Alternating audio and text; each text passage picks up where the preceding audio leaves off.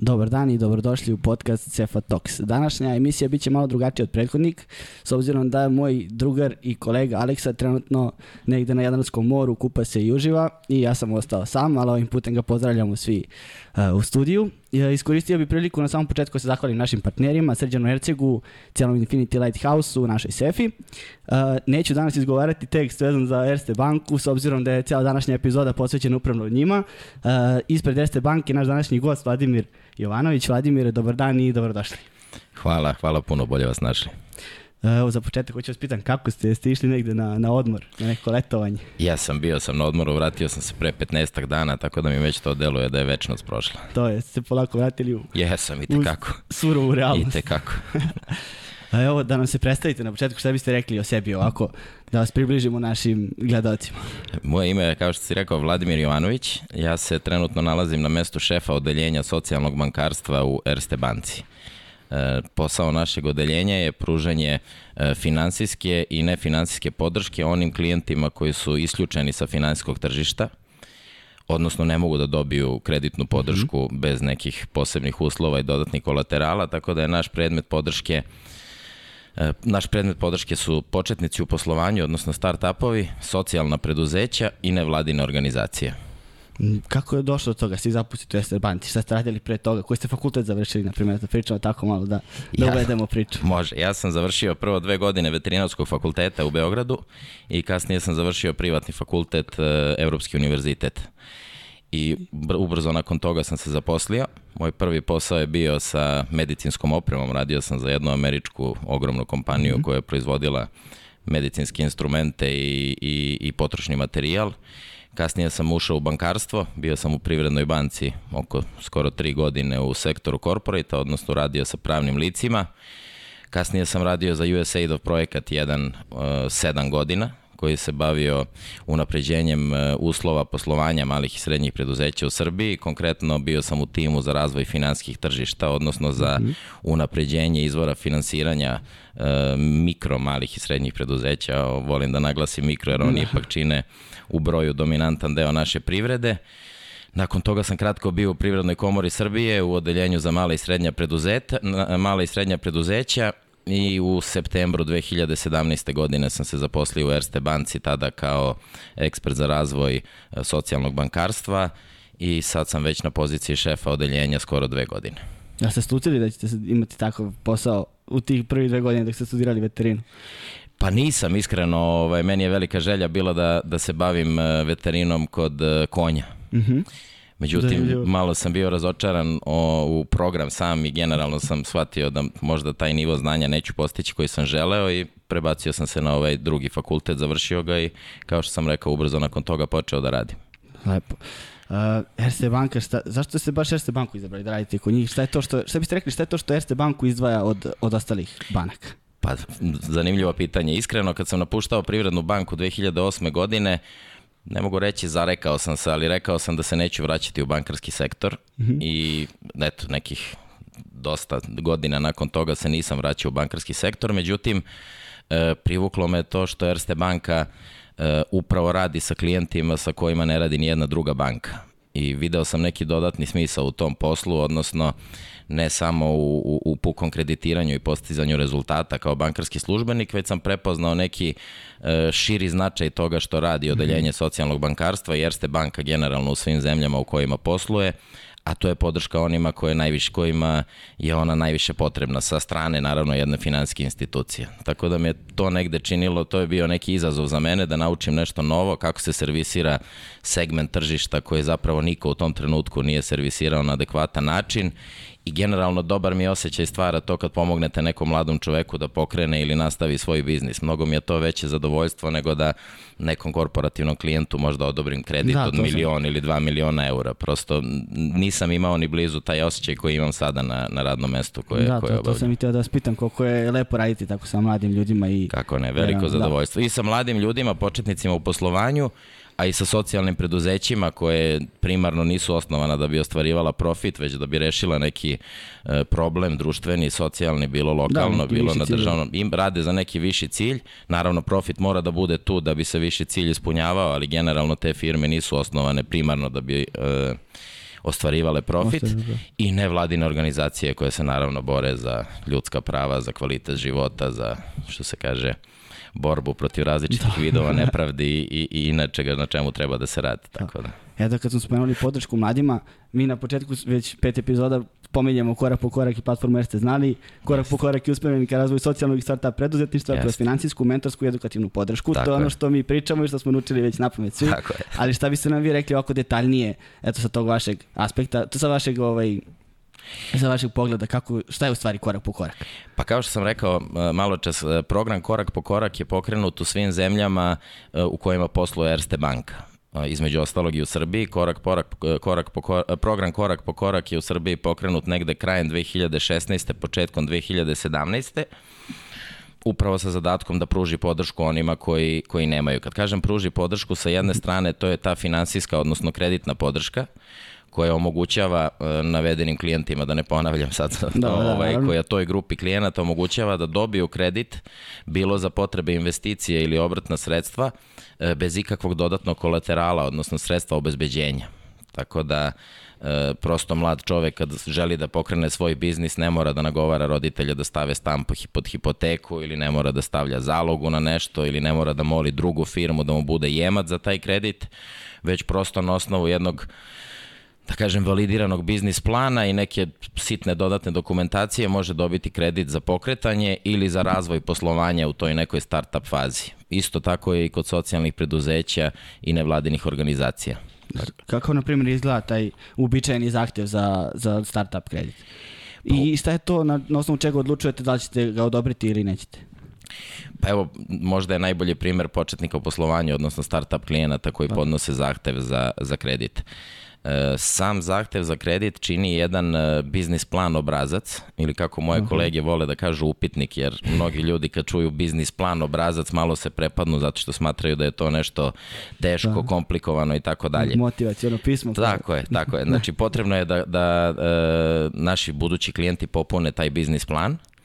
Potrebno je da nam dostave svoju biografiju, zato što želimo da vidimo da li osoba koja je pokrenula biznis ima ili obrazovanje u toj oblasti ili možda neko prethodno iskustvo u radu u Naravno. tom, o, u tom e, sektoru u kojem započinje svoj posao i eventualno neka pisma o namerama svojih budućih ili, ili, ili, ili potencijalnih klijenata, e, možda neki ugovor koji je već sklopljen sa nekim od, od, e, od klijenata, znači zavisi u kojoj fazi preduzeća. Ako uzmemo za primer, ako uzmemo za primer preduzeće koje je tek osnovano, onda se negde e, očekuje da takva firma može da dobije makar neko pismo o namerama koje će reći e, ja taj i taj ili firma taj i ta planiramo da koristimo usluge ili kupujemo proizvode firme u trenutku kada ona počne da posluje. Tako da, evo, na primjer, uzmemo primjer vrtića.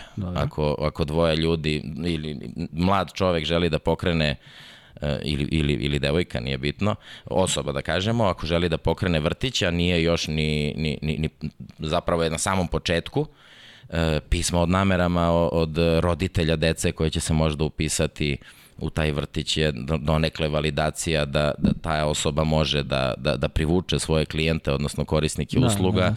I, I to je jedan od argumenta koji, koji e, nam ukazuje na to da je, da, je, da je biznis na pravom putu. Sam biznis plan koji klijenti treba da popune su podeljeni, je podeljen na neke bitne oblasti poslovanja. I to je, kao što kolege kažu, jedan upitnik od 40 i nekoliko, 46, 7 pitanja koji zapravo slikava sve bitne oblasti poslovanja. Odnosno, e, koji je razlog i motiv bio da se, da se preduzeće pokrene, kakva je organizacija i menadžment, koja je lokacija biznisa koji se registruje ili pokreće, e, ko su, kako izgleda tržište, ko su kupci, ko su dobavljači, e, koje su eventualno neke konkurentske prednosti e, aplikanta za kredit u odnosu na svoju konkurenciju.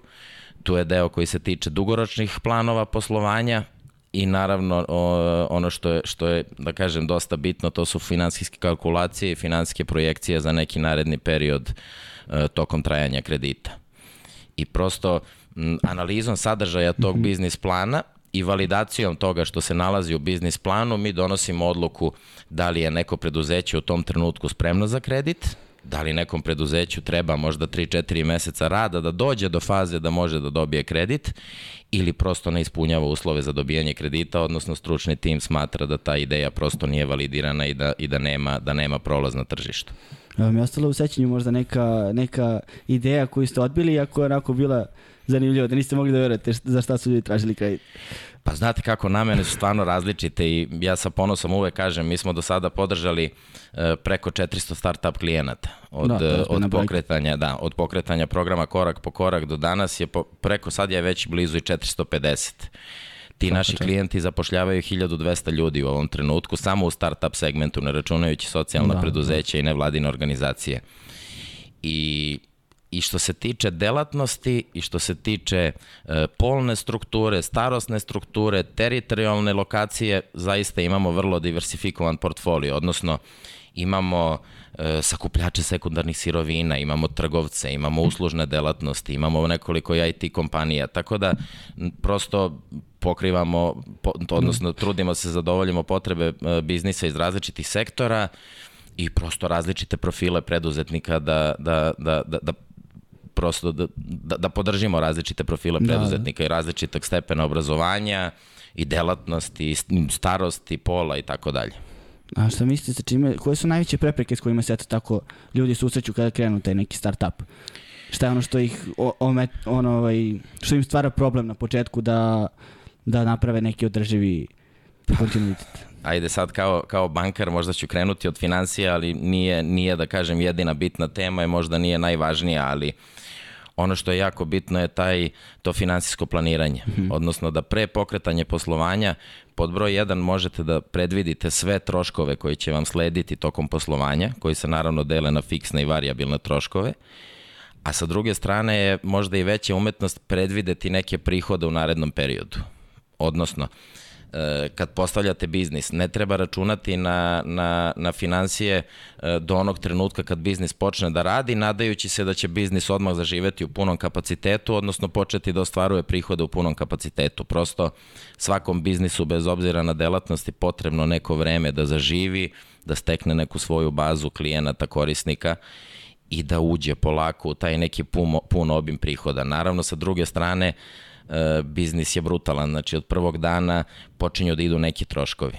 Da li su to nameti ka državi, da li je to zakup poslovnog prostora, da li su to plate i doprinose radnika, da li su to sredstva koje je potrebno uložiti u obrt, svakako treba jako precizno odrediti koliko je novca potrebno da se biznis započne, a i kasnije stvoriti neku rezervu novca koja će pokrivati te troškove do onog trenutka kad biznis počne da generiše dovoljno prihoda da prosto nema potrebe više ni za dodatnim ubacivanjem kapitala ili zaduživanjem ili kako god.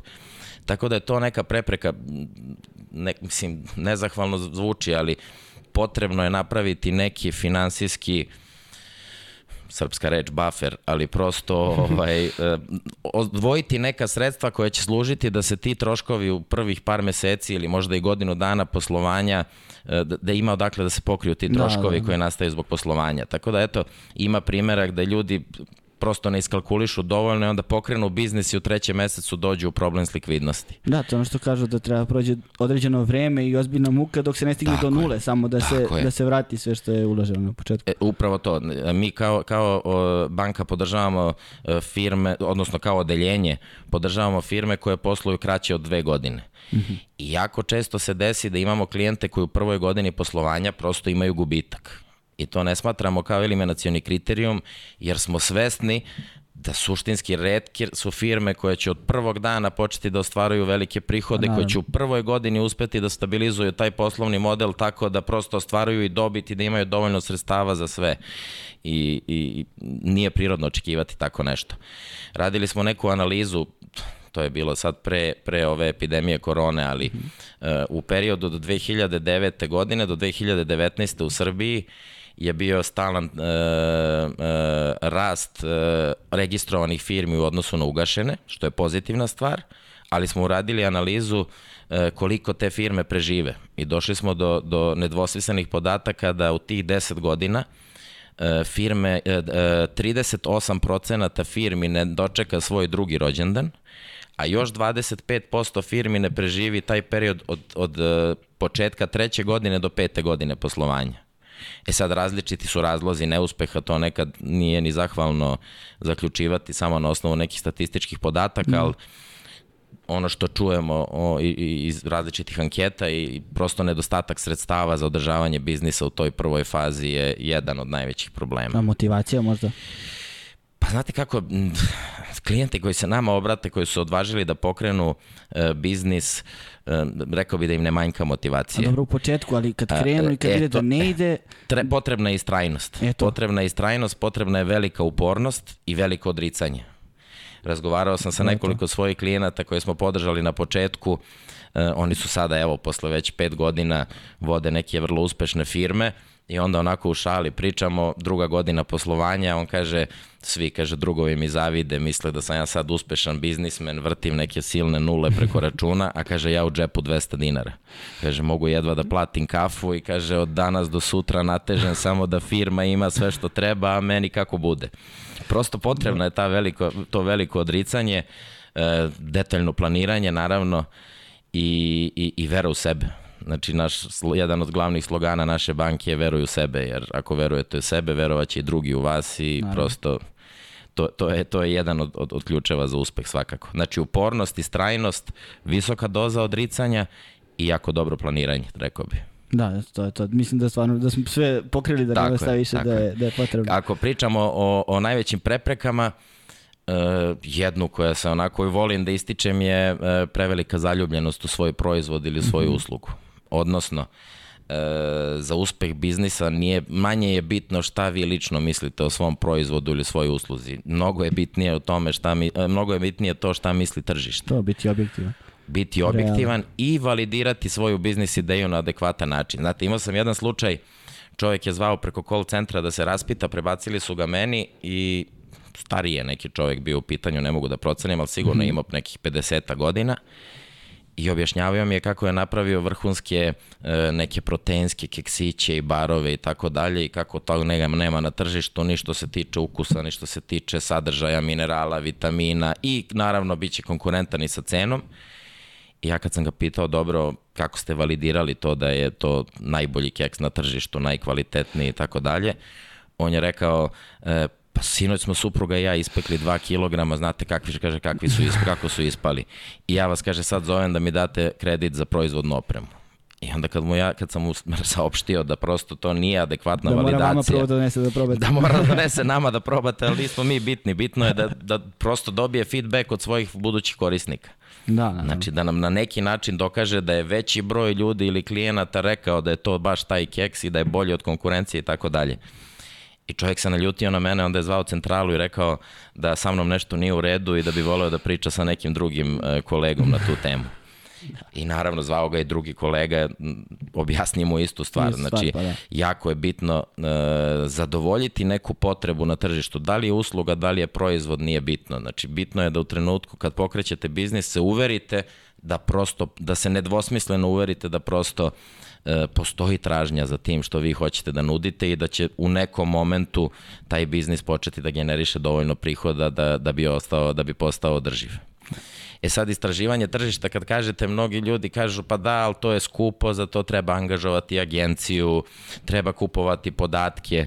Da, to je svakako jedan od načina da se, da se istraži tržište, ali za neku Coca-Cola, za neku veliku firmu nije problem da izdvoji sredstva. No. E, početnici u poslovanju, mladi preduzetnici svakako nemaju neka velika sredstva na raspolaganju, ali to ne treba da ih obeshrabri, jer tržište je svuda oko nas Ako vi sada prodajete, ne znam, dečije igračke, pričat ćete sa mnom zato što ja imam decu, pa ćete pričati sa nekim kolegom, pa ćete prosto što veći broj ljudi uključiti u neku anketu, u neki, ne, mhm. neku razmenu mišljenja, predstavit, će, predstavit ćete im svoj proizvod, svoju uslugu, ali ono što je možda još važnije, slušat ćete šta su njihove potrebe.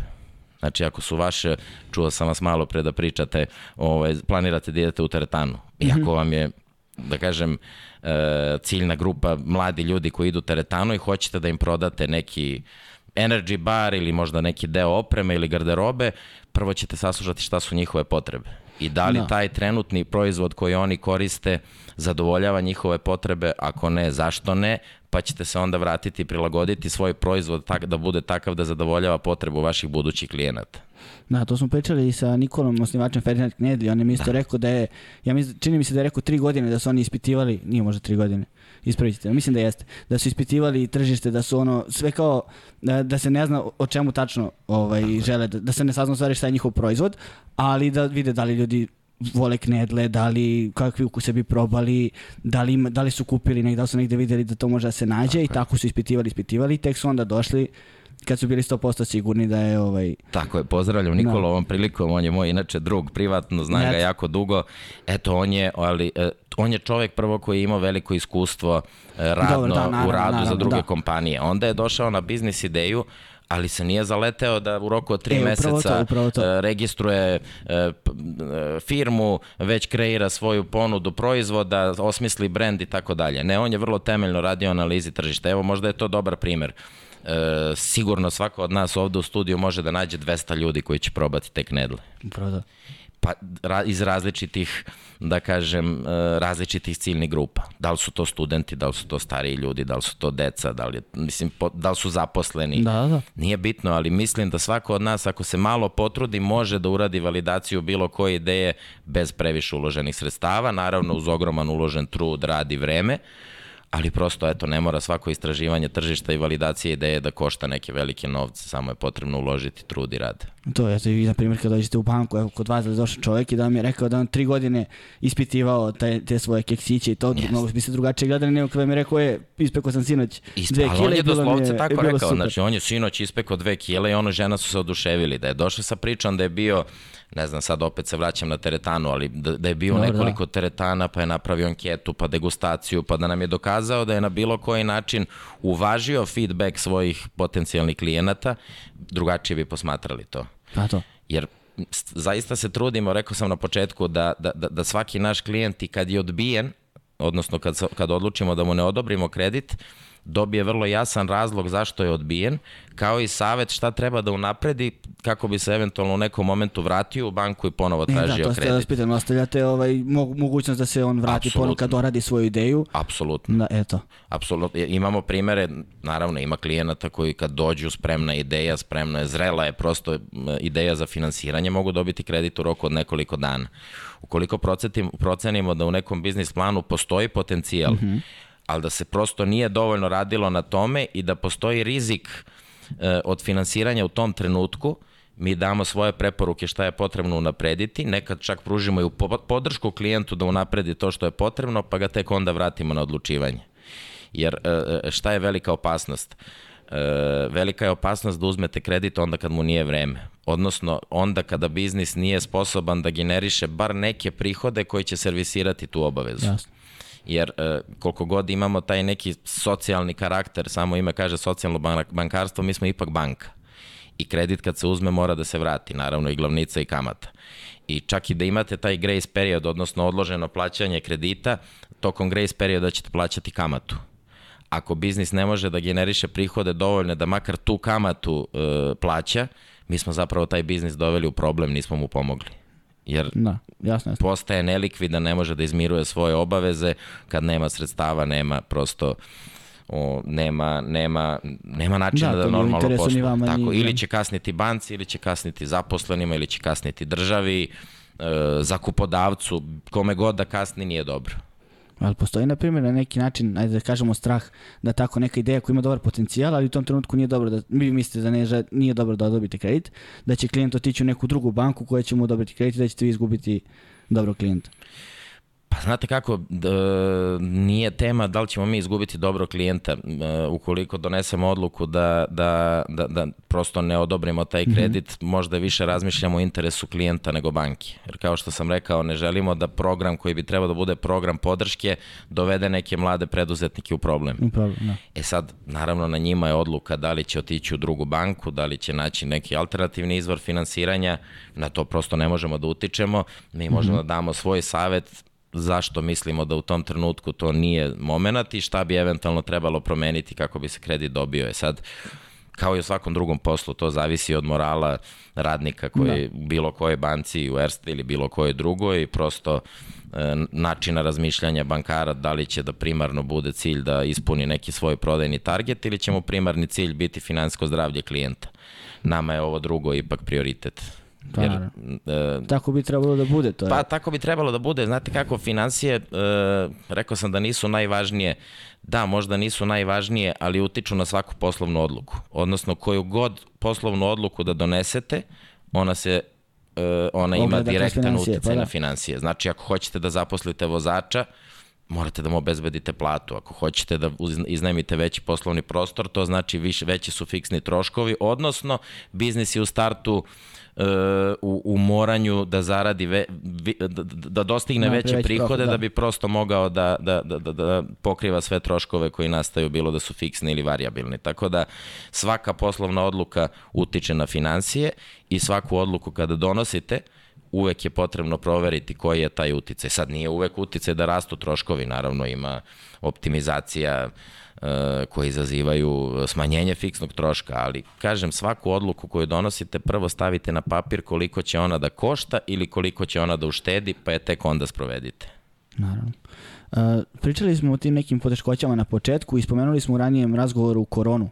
Uh, šta mislite, koliko, mislim, iz vaše te neke perspektive, koliko je korona u stvari uh, lošeg donela mladim preduzetnicima i eto startupu generalno?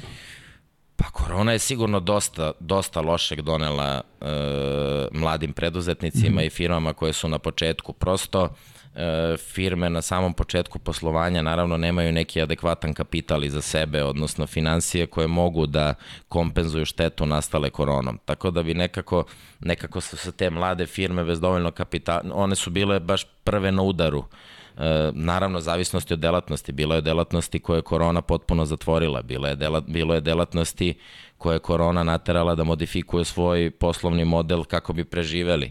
Eto. Bilo je možda delatnosti kojima je korona bila e, šansa poput medicinski da, jeste, potrošni materijal, potrošnih maske, materijala, maske, dezinficijensi, znači te firme su procvetale tokom da. korone, jedini problem su imale verovatno da obezbede dovoljno sirovina da zadovolje tražnju koja je ili o, dovoljno robe da, koje, da, da, da, da, zadovolje, da, tražnju, da, da, da zadovolje tražnju na tržištu. Tako da, koronu, mi smo zaista sretni, naš portfolio, za, sem, eto, imamo dva, tri restorana koje su bile, mm -hmm. bili direktno... U, da, generalno, mislim, generalno dosta se tih nekih malih privrednika, da Tako kažemo, je. i tih nekih uslužnih radnja zatvorilo, na primjer, frizerski saloni, znam, Tako kafići, je. da su baš su, baš im je teško bilo, ono, pogotovo na radno vreme do četiri, pa... Tako je. Pa imali su, i frizeri radili. su imali zabranu, koliko se sećam, dva meseca nisu mogli da, da rade uopšte. Da. Sad frizer koji radi 20 godina možda ima neki novac u, u, u, yes. ušteđen, pa je pokrio neke sve troškove. Neko ko je tek pokrenuo salon, uložio sve što je imao da zakupi prostor, adaptira ga, kupi opremu, stolicu, sve što mu treba i sutra dan ga zatvore, on je sigurno bio u mnogo većem problemu. E, spomenuli ste restorane, kafiće, da. turističke objekte, prosto, i, nažalost, bilo je firmi kojima nije moglo da se pomogne da prevaziđu tu krizu, ali s druge strane, e, oni koji su uspeli da modifikuju -hmm. svoj biznis model ili da se preusmere na nešto drugo ili koji su prepoznali neku šansu čak na tržištu u tom trenutku, oni su se, oni su se srećom izvukli. Jeste imali iskustva sa, da ste pomogli nekome, da, da ste ga spasili, da ne Kako propadne? ne, mi smo, o, e, vratit ćemo se na to, mm -hmm. naši klijenti generalno i mimo, i mimo ove COVID krize imaju na, na raspolaganju besplatnu nefinansijsku, odnosno mentorsku podršku.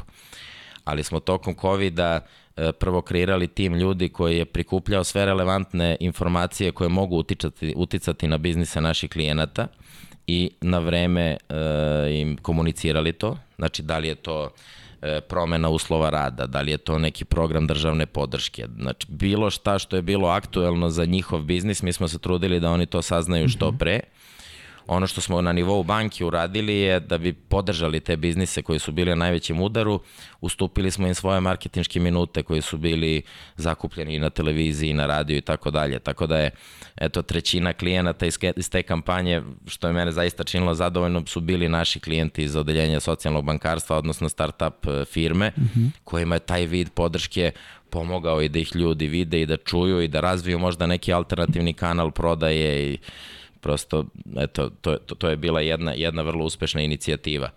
A ako pričamo generalno o nefinansijskoj podršci, to nisam spomenuo na početku, e, negde imamo stav da je za mladog preduzetnika, odnosno startup firmu, e, nije, nije dovoljno samo dati mu novac, odnosno pustiti mu kredit i pustiti ga da, da on ovaj, dalje posluje, što se kaže, prepušten sam sebi. Da, da. E, svako ko hoće, naravno, to nije obavezno, ali ko želi da iskoristi taj vid podrške, e, na raspolaganju ima besplatnu mentorsku podršku. E, našu mrežu mentora čine i, e, i zaposleni iz banke, iz različitih sektora banke i neki eksterni saradnici.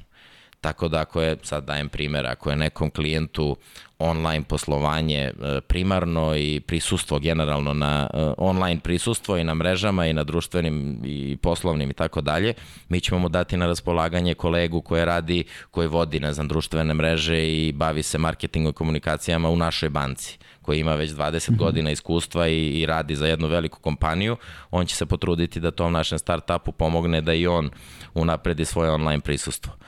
Ako su tu ako je tema financija, naravno banci ne manjka tih e, stručnjaka, tako da možemo da, da, da, da pružimo adekvatnu podršku.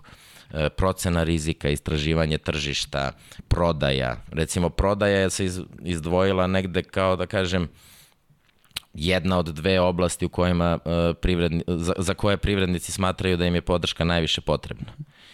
Jer kako se kaže, prodaja leči sve. Znate, ako prodaja ide, znači da su e, proizvod ili usluga kvalitetni, e, znači da su klijenti zadovoljni i naravno znači da imate stabilan izvor prihoda. I dobavljači su I zadovoljni. dobavljači su zadovoljni zato što ste sposobni da izmirujete svoje obaveze, tako da je to jedan Da, zadovoljan krug, krug. Za, za, za, začaran i zadovoljni krug. Izvinjavam se.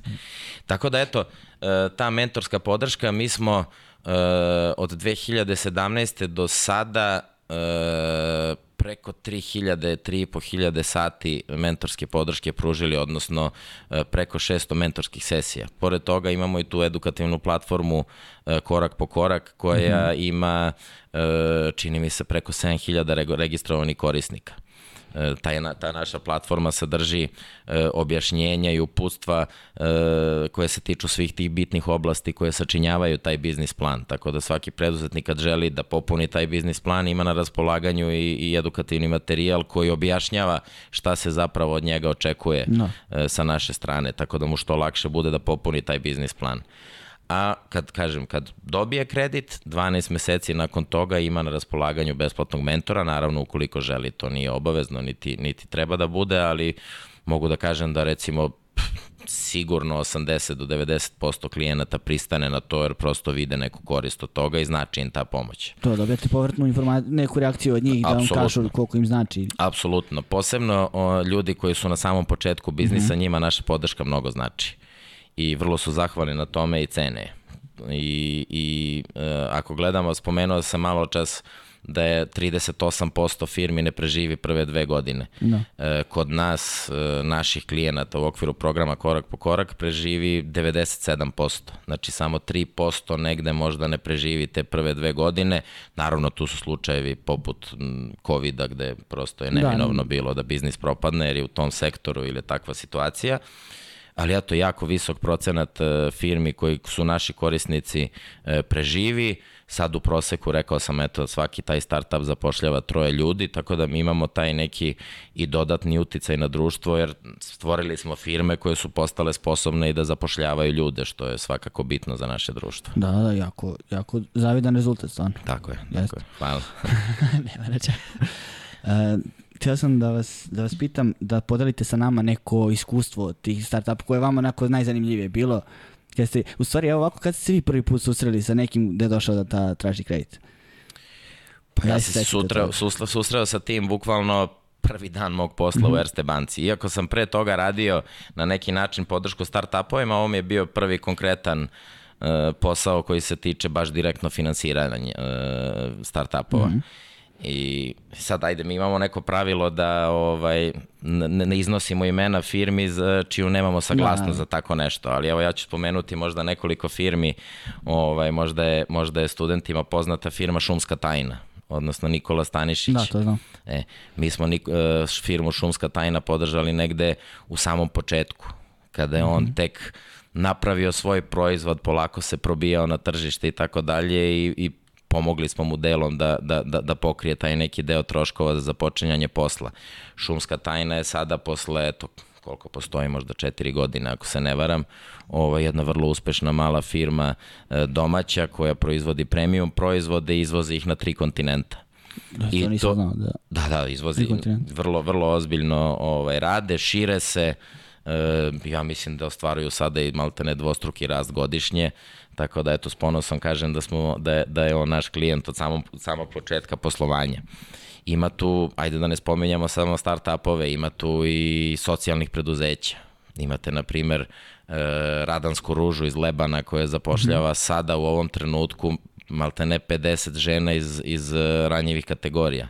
Sad, da li su to žene preko 45 godina koje nikad nisu imale e, radni odnos, znači nikad nisu imale neki svoj redovan prihod, da li su žrtve nasilja, da li su ljudi sa, sa nek, nekom, nekim, nekom vrstom invaliditeta, ali uglavnom Radanska ruža je bilo prvo socijalno preduzeće koje iz našeg projekta dobilo kredit.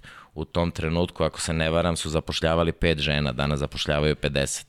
I ne samo što je 50 da. žena u radnom odnosu, već imate e, čitav niz malih gazdinstava u vlasništvu žene koje su, u žena koje su sada postale dobavljači radanske ruže. Pa su u početku bili dobavljači, na primer, sirove paprike za Ivar, onda je ruža shvatila da će i ubrzati i pojednostaviti svoj proizvodni proces ako ta gazdinstva budu isporučivala poluproizvod, odnosno pečenu papriku koju će onda oni u ruži, naravno pečenu u skladu sa standardima i načinom da, da, da. na koji e, radanska ruža pro, e, propiše. Po recepturi njihove. Tako je, po njihovoj recepturi i tako dalje, što je dosta ubrzalo i, i, i, i proširilo njihove proizvodne mm -hmm. kapacitete. Eto, radanska ruža je, na primer, pre dve godine uh, jel, da gde u Nemačkoj dobila prvu nagradu za svoje organske proizvode i sad Radanska ruža veliki broj, veliku količinu organskih prerađevina e, izvozi u zemlje Evropske unije. Tako da imamo nevladine organizacije koje smo podržavali, koje su ili kupovale neke svoje nekretnine ili pokrivale neke projektne troškove ili prosto nado, zadovoljile neku potrebu za mhm. financijama koje su, koje su im, što im je omogućilo i da prežive i da rastu i možda da dobiju neke nove projekte, tako da ima čitav niz uh, uh, uspešnih priča, mi se trudimo da to i negde zabeležimo, pa pravimo video priče koje se nalaže, nalaze na našem sajtu korak po korak, gde prosto želimo da pokažemo uh, da onaj koji veruje u sebe i ko je dobro validirao svoju biznis ideju može da dobije kredit bez ikakvih hipoteka, kolaterala i tako dalje, da to prosto nije mit. da, da. Generalno i važno za velike firme da budu društveno odgovorni i da postiču te... Naravno.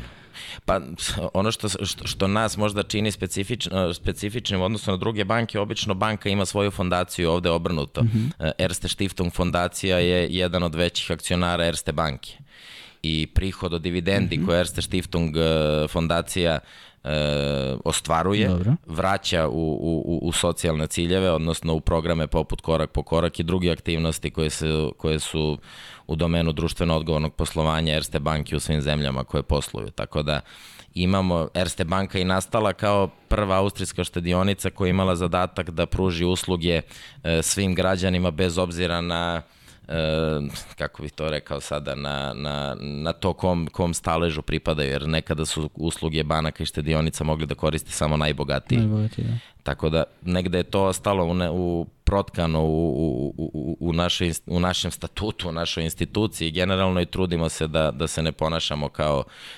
klasična finanska institucija, već da se da našem društvu i zemljama u kojem radimo neki dodatni doprinos. Da, to, to treba reći. Evo ja, na primjer, to nisam znao uopšte da, da tako funkcioniše. Tako, ja, tako. Sad za ljudi generalno, da li su upućeni u to, šta mislite, da li su dovoljno upućeni, kako, da vi tako poslujete stvari? Pa, ne znam. I da li je bitno da znaju? Pa verovatno je bitno da znaju. Bitno je da znaju, ali ovaj, ne bih sad procenjivao da li dovoljno ljudi to zna ili ne, ali mi se trudimo da to komuniciramo i da prosto ne čak i da komuniciramo, već da pokažemo svojim delovanjem. E pa to, jel ima znači, dosta njih koji rade nešto čisto da bi se videlo da oni to radi i tako, tako prave sebi reklamu, a ovde mi deluje da nije takav slučaj da vi, vi, vi to ne ističete u prvi plan generalno kad... Pa ne ističemo, evo možda se neke druge institucije malo više hvale od nas, ali eto više volimo da radimo nego da pričamo. Naravno, i to je uvek, uvek i bolja opcija. tako je, tako je. E, recite mi, evo, vi ste podržali naš, naš projekat, naš podcast, A, da li inače tako podržavate studente i da, da, da li mislite da to bitno ne samo startup, nego ovako ovaj podrška koju nama pružate, na primjer? Pa mi smo, nama se prvo dopala ideja da, da, da je jedna glup, grupa, e, mla, e, grupa mladih ljudi pokazala tu vrstu entuzijazma i želje. Drugo, smatramo da su vaši podcasti vrlo korisni za te buduće mlade privrednike i negde kad to ukrstite, ukršta se i sa našim ciljevima. Znači, nama nije e, primarni cilj samo finansiranje, već edukacija i jačanje kapaciteta, ne samo finansijskih, nego i, i, i drugih. Tako da spomenuli ste na početku, mi imamo poseban program e, Erste znali, Erste koji znali, se da. bavi edukacijom fizičkih lica. I Erste znali apsolutno nije e, prodajna inicijativa banke koja sad treba nekoga da nagovori da dođe u Erste banku, da uzme kredit, karticu ili šta god, nego upravo da edukuje, potpuno je besplatan. Finansijsko opismenjavanje. Finansijsko opismenjavanje, tako je. I sprovode se različite aktivnosti sa e, osnovnim školama i generalno sa decom koje žele da uče o tome, kao i sa mladim ljudima. Tako da, eto, sa velikim zadovoljstvom smo podržali e, Sefa Tok i još jednom vam hvala što sam ovde danas da razgovaram sa vama. Hvala vama na, na podršci, samo zanima me da li ste zadovoljni. što- Apsolutno, svaka čast. što Znači, samo nastavite. Ne, apsolutno, sa velikim zadovoljstvom i mislim da treba da nastavite ovako i da prosto treba još dosta rada da se jača preduzetništvo u Srbiji i da svako od nas treba da da neki svoj doprinos. I mislim da su partnerstva jako važna, jer ne može ni studentska organizacija samostalno, ni banka samostalno, ni privatna firma, neka velika samostalno da reši neki društveni problem. Mislim da su partnerstva jako plodonosna i da je potrebno praviti ih uh, da je prosto da svako može da odradi neki svoj deo posla kako bi se rezultat postigao. To je u ovom slučaju jačanje znanja, jačanje kapaciteta, promocija preduzetništva, e, promocija samozapošljavanja kod mladih, znači da prosto i mladi shvate da ima opcija i pokretanje svog biznisa. I sad naravno, nije svako za to. Ja nisam tip koji voli da kaže da se preduzetnik rađa, mislim da se i rađa i stvara Stvara, i da svaki preduzetnik mora dosta da radi na sebi ovaj, kako bi postao uspešan preduzetnik, ali na svima nama je da im kako da kažem, damo neki dodatni vetar u leđa, da se, da se u tome i, i ostvare. Da, ja sam vas pitam, ovdje se dosta polemike vodilo o tome da li treba počinjati biznis sa, neki, sa bliskim ljudima. Neki naši gosti su bili protiv, neki su bili za. Zanima me kako je, kako je vaše viđenje te situacije. Da li ste imali neke, neke primere kada su dolazili ljudi, ono, najbolji drugari i počne biznis i brzo se raziđu ili su uspevali? Ima, ima dosta biznisa koji su propali upravo o, iz tog razloga, ali sa druge strane ima dosta e, pozitivnih primera.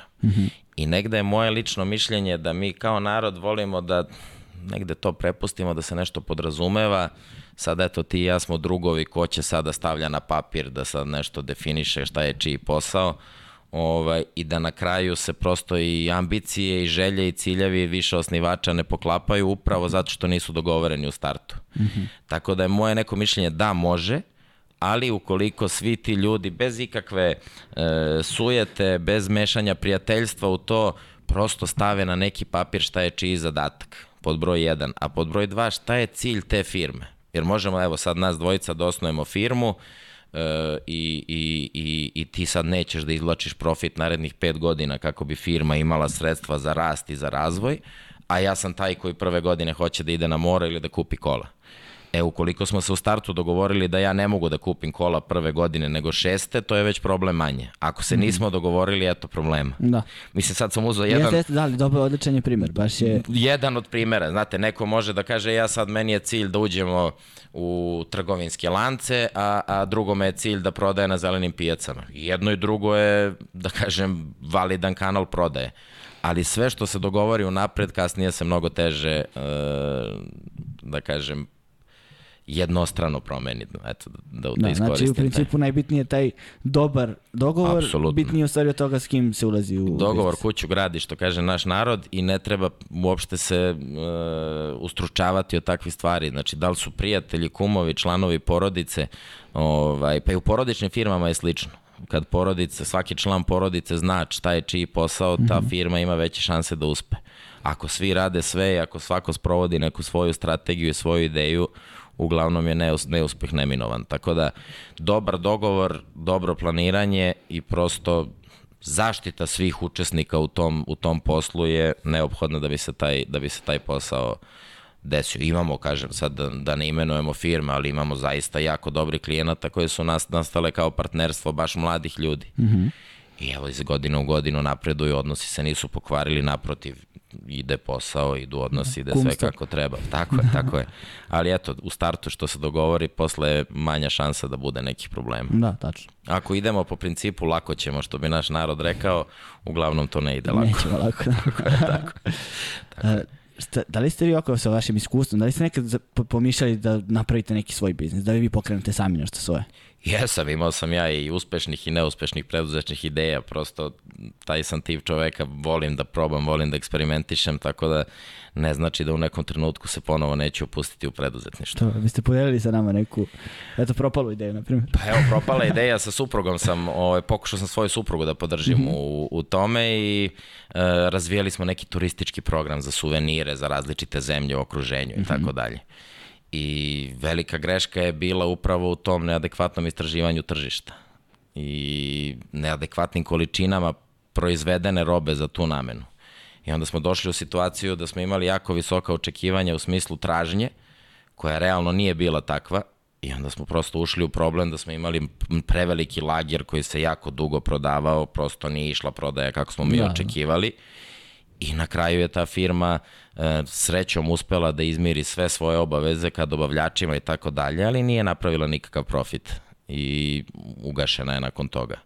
E, ono što je moj savjet je da se ljudi kad sam rekao na početku da tražimo CV nekog e, vlasnika firme kao obavezan deo dokumentacije, mm -hmm. moj negde stav i preporuka je da ljudi pokreću biznis u nekoj svojoj sferi interesovanja. Sad, da li ste školovani za tako nešto ili imate radno iskustvo ili prosto imate jak afinitet prema nečemu, mislim da je to mnogo bolja opcija nego pokretati biznis. Zato što ima e, para. Zato što ima para, ali vi realno niste ni bliski sa tom temom, niti se možda slaže sa vašim nekim načelima, tako dalje. Znači, idite tamo gde ste na svom terenu, da kažem jednostavno. Gde imate znanja, gde imate možda već i neke ostvarene kontakte ili prosto osjećate da, to, da je to nešto što vi volite da radite. Mislim da je to jako bitno. E, mislim da dugoročno odr, e, upravo ovo, ovo, ovo što si rekao e, ima tu para. I sad evo vidite sad mene ja sad ima para u zdravoj hrani. Ja stvarno ne bi bio sposoban da ubedim nekoga da jede čija semenke prosto zato što ih ja ne jedem nikad. Da, da. i sad ne, da, ne, ide, ne, ne ide. Ne znam kako bi ja 10 godina sad držao zdravu hranu kad znam da ni 10. godine neću jesti čija semenke. Mislim sad možda je primer malo onako... Da, možda biste o, probali vremena. Pa možda, ali ne bi me vozila ta ideja od da, starta, naravno, ne bi ušao srcem u to, znate. Da, jako je bitno da vi verujete u svoj proizvod, u svoju uslugu, da prosto verujete u svoj biznis, mnogo je lakše onda i prodati. To smo ovaj, rekli malo pre, ako ti ne veruješ u to svoje, što bi neko drugi verovao. Tako je, tako je, baš tako, baš mm. tako. I to se vidi. Znate, kad neko voli svoj posao, poznaje svoj proizvod, uslugu i prosto je svim srcem u tome, to se vidi, to ne može da se sakrije. Da, da. To, uh, pošto se bližimo polako kraju, evo sad spomenuli smo neka vaše i loše iskustva i dobre iskustva, šta bi generalno ovako bio vaš savet za, za sve mlade, evo ne mora za mlade, generalno za ljudi koji žele da pokrenu startup, ali možemo se osvrnuti na mlade, pošto ipak smo mi studenti ovde i dosta na studenta gleda. Pa, šta bi rekao pre svega, e, što je bolja neka analiza svih aspekta, aspekata tih budućih poslovanja, e, tog budućeg poslovanja, manja je šansa za grešku. E, sigurno ne možete predvideti ni sve troškove, ni sve elemente i faktore koje mogu uticati na vaš posao, ali što kvalitetnije i bolje uradite tu pripremu i analizu, manje će biti iznenađenja. E, opet se vraćam na financije, znači prosto e, nađite bilo koju, evo, forma našeg biznis plana za, za podnošenje zahteva za kredit je javno dostupna. E, postoji čitav niz, ukucat ćete na Google biznis plan, model, izbacit će vam 20 različitih formi modela, što finanskih institucija, što fakulteta, što bilo kog drugog e, da kažem, web sajta. Mm -hmm. Znači, nađite neki model koji vama odgovara i stavite na papir sve bitne aspekte svog poslovanja ono što smo rekli, znači e, koju potrebu tržišta vi rešavate, odnosno koji problem vaših potencijalnih kupaca vi rešavate ili zadovoljavate potrebu, kao što sam rekao, e, ko vam je konkurencija, koliko vam je tržište. e, kako ćete vi to raditi, da li su potrebni ljudi, kako se, evo recimo, to je neka, neka da kažemo, običajena greška ljudi sa manjkom iskustva. E, bavimo se nekom proizvodnom delatnošću mm -hmm. i sada na spisak fiksnih troškova, na spisku fiksnih troškova se pojavi šest plata. I ja sad kad razgovaram sa klijentom, ok, koji su šest zaposlenih i onda on kaže, pa ja ću imati finansijskog direktora, ja ću imati vozača, ja ću imati magacionera i tako dalje. E, nažalost, u praksi 99% e, startup firmi su one man show. Znači, vlasnik firme je i magacionar, i komercijalista, i knjigovođa, i prodavac, i, i, i HR, i sve, I sve bukvalno sve. Jer evo, uzmemo primer, e, baš sam razgovarao sa jednim momkom, on ima tri kupca. Mm -hmm. Tri kupca pravna lica kojima isporučuje robu jednom nedeljno. I on je na svom biznis planu imao vozača. E, da bi imao vozača, znači mora da ima svoje vozilo. To vozilo vuče registraciju, vuče amortizaciju, vuče gorivo, kvarove, ne daj Bože udese i tako da, dalje. Da. Imate platu radnika ovaj, koja takođe radi. I vi sad kad izračunate, ako on ima tri kupca e, sa e, jednom isporukom nedeljno, znači između 12 i 15 isporuka mesečno. Koliko košta ta jedna isporuka kad vi imate i kombi i vozača i sve te troškove? Odnosno, možete imati vozača i kombi onda kada je taj trošak manji nego trošak neke da. kurirske službe. Da, tu je Nikola dobar primjer isto za, za Knedlik. On je rekao da je u početku sam išao na kvanta školima svojim, da. kupovao krompir, Tako. gde je onda kad je razrađivo svoj biznis došao do toga i rekao je ja nabavljam ozbiljnu količinu od tebe, ajde sad ti meni da doneseš Tako je, i po nekoj krompir. ceni drugačijoj i tako ceni, dalje. Da, tako da... E, pa Nikola, eto, to, to, ovo je dobar Nikola, da. primer, znači Nikola je svoj auto išao na kvantašku pijacu, kupovao krompir, vraćao proizvodnju. Znači nije Aha, zaposlio da. vozača, kupio pick-up i tako dalje. Prosto taj trošak nije ni prioritetan, niti je pametan. Onog trenutka kad se zaista rodi potreba, a to je kada je to manji trošak nego da koristite tuđe usluge, mm -hmm. sad se uhvatio transporta, ali jako Dobro, česta da, da, greška. E, onda se isplati i kupiti kamion i, ili kombi i zaposliti vozača i tako dalje. Ali dok ste vi na tri isporuke nedeljno, vama to apsolutno ne treba na, na, na spisku troškova. Već uračunate trošak te isporuke koji se naravno ugradi u cenu koju imate ka kupcu ili se naplaćuje odvojeno no. i vi znate na čemu ste. Kad pređete na 33 isporuke dnevno, super, onda ćemo da uzmemo možda svoj kombi, pick-up, šta god vozača, onda to biznis može da zaradi za to. Jer eto, da uzmete sada da prijavite radnika na minimalac, to je negde milioni 200, 300 hiljada godišnje. Znači, taj biznis mora da zaradi, ne da prihoduje, da zaradi 10.000 eura više nego uh, pre momenta zapošljavanja čoveka. Da, e pa kad se odlučite da zaposlite čoveka, vidite da li će taj čovek omogućiti da se ta zarada stvori, ili ćete ući u problem da ne možete da mu isplatite platu ili bilo šta drugo da bi njega isplatili. Tako da e, svaki taj poslovni potez u toj ranoj fazi treba povlačiti vrlo pažljivo i posle analize. Taj biznis plan e, može da, eto sad u, ovo, u ovom slučaju je e, obrazac za podnošenje zahteva za kredit. Ali biznis plan treba da bude alat i za postavljanje biznisa, ali kasnije za merenje rezultata. Jer ako ste vi projektovali, ne znam, 100 prodatih jedinica ili 100 pruženih usluga, a dostiglite 150, da, unesete u onu tabelu. Treba. Ne, ne, to je onda kao pozitivan pa da. primer. Znači, veći je, veći je prihod nego što je planiran. To, to. Ali ako je 50 umesto 100, da, treba onda se ćete staviti na papir da vidite kako to utiče i da li mi sad sa tom manjom prodajom imamo održiv biznis ili ne. Ako nemamo, šta je potrebno da uradimo da preživimo i sa tih 50 prodatih jedinica čega god dok ne dostignemo nivo mhm. od 100.